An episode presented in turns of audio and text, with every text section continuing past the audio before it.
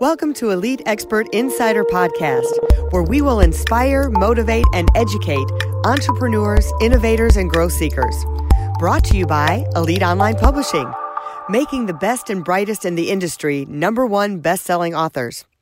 80% of people say they want to write a book. We're assuming that's the same for you. If so, contact us at www.eliteonlinepublishing.com and make your book a reality. Hi, Melanie Johnson here along with Jen Foster. How you doing, Jen? It's an awesome day. It is. It's gorgeous. Every day is a gorgeous day. You can make it as good as you want it to be. So remember why you are here. We want you to subscribe. Make sure you subscribe to our podcast. It's the most important thing because we have the most cool guest on. You always learn something, you always get motivated, you always get inspired, and it makes your day a better day. So make sure you subscribe to the podcast. Today, we're going to talk about how to help raise your sons to be executives, how you can make a difference in your son. We have a number one best-selling author who wrote the book Raising an Executive. Now Jen has two sons. I have two sons. Um, you know, we're all about this. If you know someone who has a son, if you have sons, if you are a son, you need to be watching and listening to this podcast today. So we're going to uh, welcome True Tamplin. True, thanks for coming today and, and going to share this experience with us and help us to raise better boys. Oh, thanks so much, Melody and Jen, for having me on the show. I'm super excited to be here.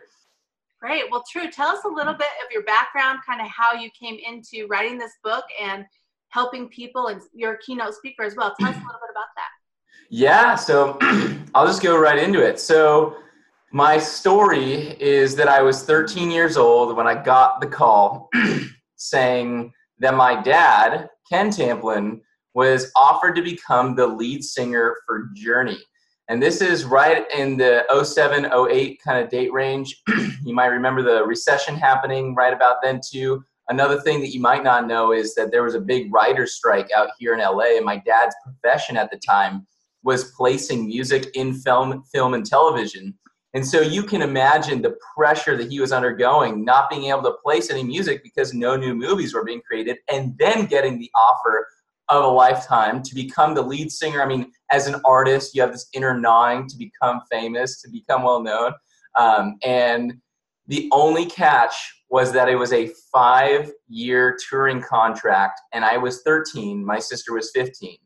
And so he had a big decision to make. And he actually ended up saying no because it was simply too great of a sacrifice. And he was a praying man and felt strongly that the Lord just really did not want him to go.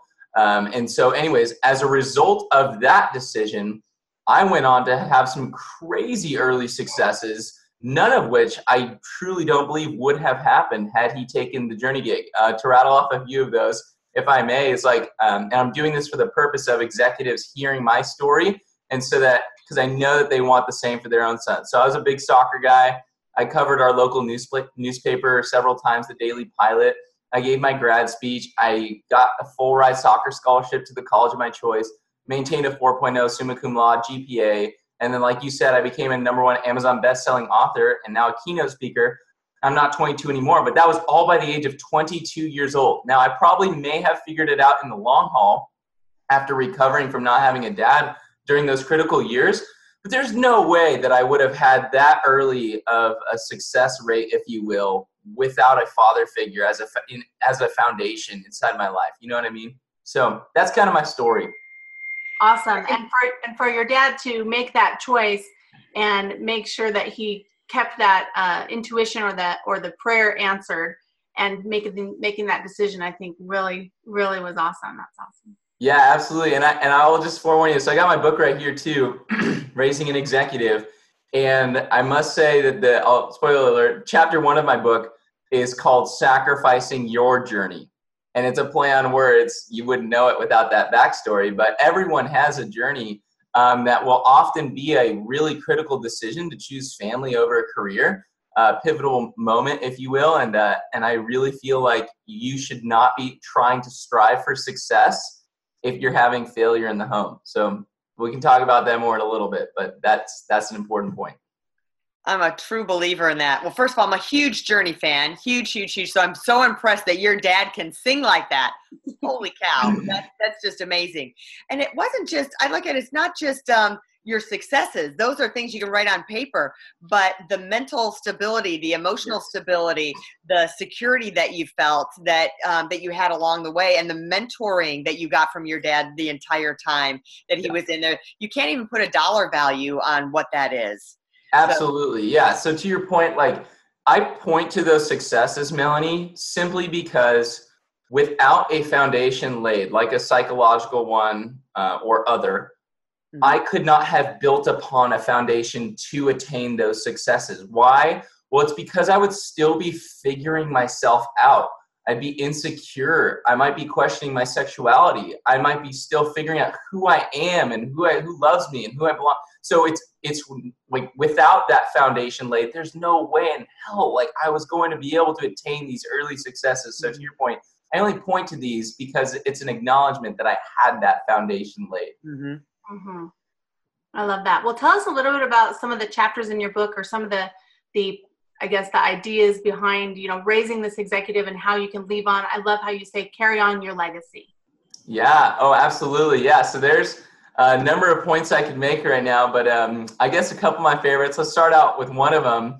I call it the Charlie Brown effect just because everyone knows about it. Uh, it's Charlie Brown's teacher, classic, wah, wah, wah, wah, wah, wah.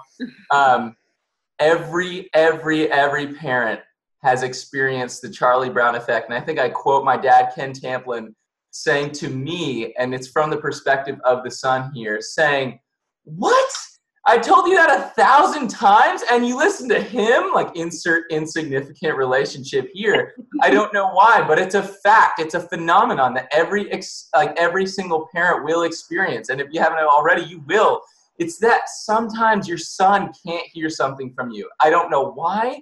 He could, hmm. he hammered me with some stuff that it just some some soccer coach that didn't mean any like anything to me would tell me and it clicks and so my advice to parents is stop freaking out or stressing out or even or wasting your time spinning your wheels strategizing on how to drive that message home from you.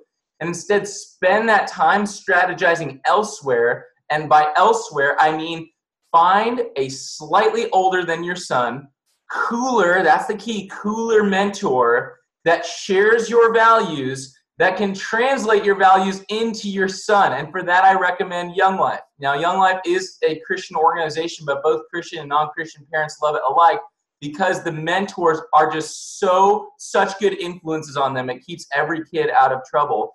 And that is the key to, to getting some of those really important points that you as a parent simply cannot be the one to tell him or her uh, to do. And if not Young Life, which they pretty much have a local chapter pretty much everywhere these days, um, you can naturally create a mentorship bond through either paying for tutoring that, like, yeah, you want the tutoring for your son, but like naturally a, a relationship is going to form between the tutor and your son. And if that doesn't work, like, you know, let's say it just didn't work out with that guy, you can also do that with one on one private coaching or becoming innovative, but don't force a relationship. Create one naturally through a like i said a tutoring or a, or a one-on-one coaching type situation you know because my other question was going to be i mean jen and i are both single moms so um, mm-hmm. and in my case the dad's not really around or an influence into the kids so it's like well how do you do that and that really kind of answered the question is to find mentors other male role models that they can connect with and i like the key that they have to be cooler right they got to be Big cool time. that they can connect to Big time. I mean, think about it your sons i don't know if they're skaters or not but like i know it drives moms crazy like when their sons are spending too much time down at the skate park because those are really bad influences. But i'm telling you they embody it's not just that skating is inherently going to influence your son it's that they embody that quality coolness. That is the most important quality. And naturally someone who's just one stage of life ahead of your son will have an an uncanny ability to influence them like nobody's business. So get that mentor for them. Yeah, I love that. That's awesome. So, what would you say are some of the um, other things besides the mentorship that a parent should be doing um, and I, I, love that you said you know it's really that being selfish. I, I always tell people you know you can invest in your business which is great but when you invest in your family that lasts for generations. And you don't want to screw that up because that screws up generations versus you know you might not get a, a, a listing done or a contract in. That's not going to affect everybody's life. So what are some other things that you have that are key points that fathers and, and single moms should be looking at um, for their sons Great question. So let's take chapter two of my book. It's called Even If It's Ping Pong. And the quote in that book, every single chapter has a quote from my dad. Uh, it's, dude, whatever it is, even if it's ping pong, let's get the best paddles, the best balls, the best coaching, the best tables, and let's do ping pong. I have seen, because this book is engineered towards executives that are incredibly driven, that really are sticklers for trying to get their sons to like almost too successful too quickly. Mm-hmm. They have a problem with forcing not just success. I'm a promoter of success, but promoting success in the way that their son is going to strive for. It. So let me give you an example. Oftentimes, it's like my son will get a degree in finance because that's where I started. I know that there's money in finance. That might not be right for your son. I want you to push him to his best ability. But like the chapter says, even if it's ping pong, and so maybe your son is more artsy. Maybe your son isn't a sports guy. Maybe your son I isn't right for college. Like maybe there are some things that your son might not be exactly like you. You need to find out what it is that he is great at and is going to propel at.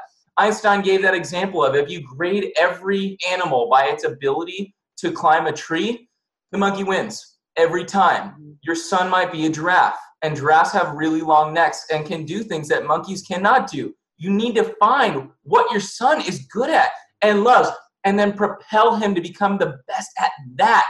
And that is how you make your son go further, not the way or the nuance of exactly following in his father's footsteps because it worked for you. He might be very different from you, but you still need to help him become his best, not uh, the best version of you, best carbon copy version of you. So, right. I think that's very key. As a parent, I'm constantly thinking about how I can push them or get them to do something that I want them to do when I really need to take a step back and say, what do they want to do and what are they best at? For really, sure. all those points you said. That's great. Yeah, and sometimes what they want to do, especially when they're young, it lasts for a nanosecond, right? They want to play guitar or ping pong. Right for you know and it lasts two or three months or they're a skater and then they're done and then they're on to the next thing. But i like saying that it be the best at whatever that is for that time frame i've got one kid that's ready to go off to college now and he's vacillating like well i'm not sure what i want to do. I think i want to do engineering.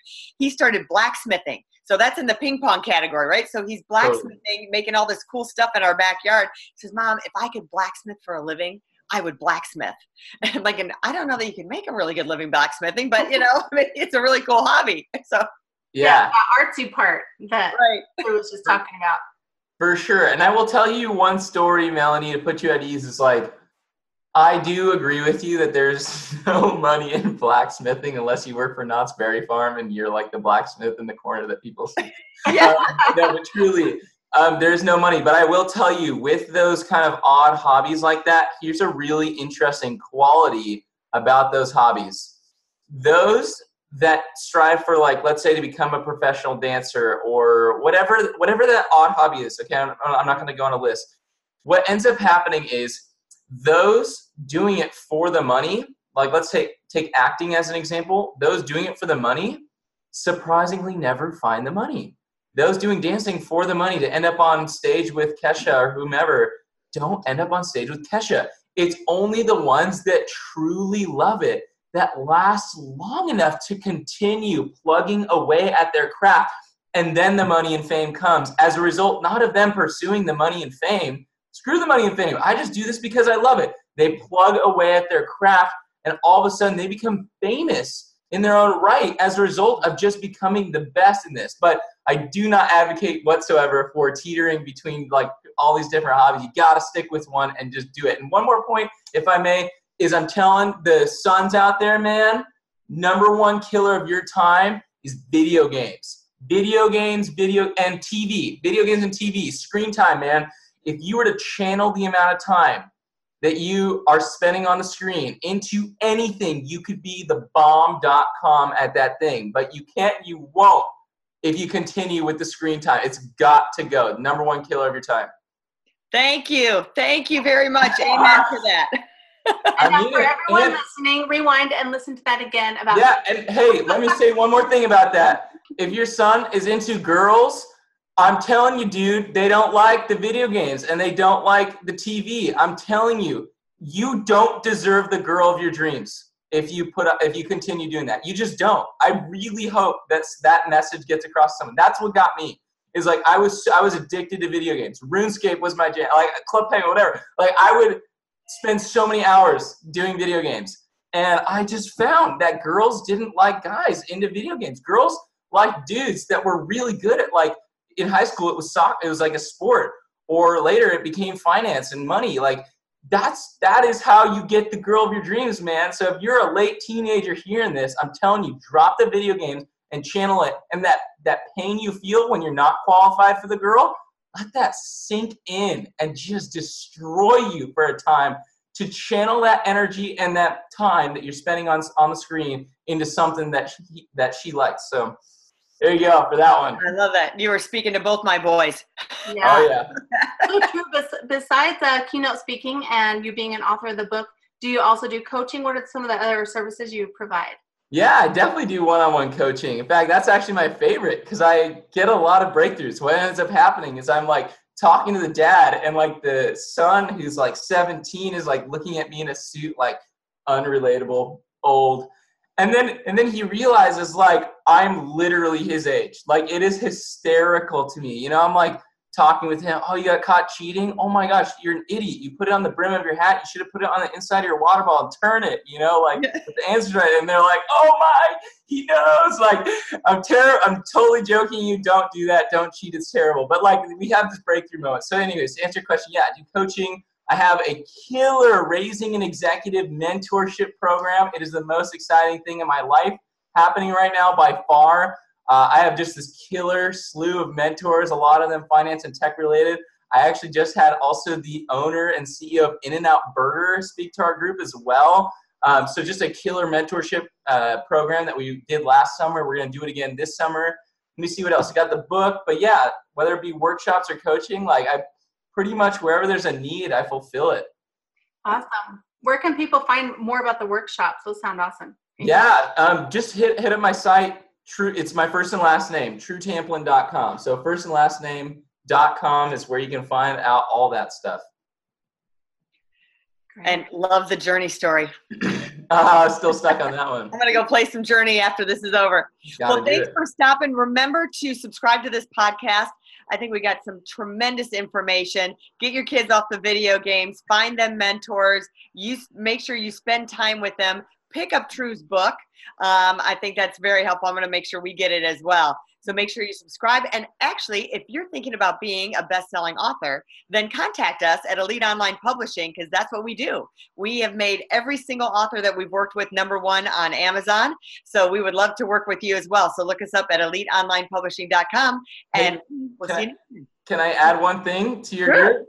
Hey guys, becoming a number one Amazon best-selling author has completely changed my life and my echelon. And so if you get the advantage to work or get the opportunity to work with Melanie and Jen, do it because I'm telling you, it just took me from here and just into a completely different echelon. That's why I'm getting this interview on TV, on radio, on just everything. It doesn't matter your industry. Become an Amazon number one best-selling author. It'll change your life. So just had to add that for your group.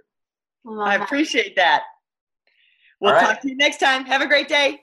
If you'd like to create the most powerful advertising tool for your business, contact us at eliteonlinepublishing.com where we will help you create, publish, and make your book a number one bestseller and show you how to get new leads and more revenue for your business. If you'd like to check us out on our Facebook page, we have a free book for you as our gift. Just go and click free book. Remember to subscribe and leave a comment for our podcast. We would love to hear from you.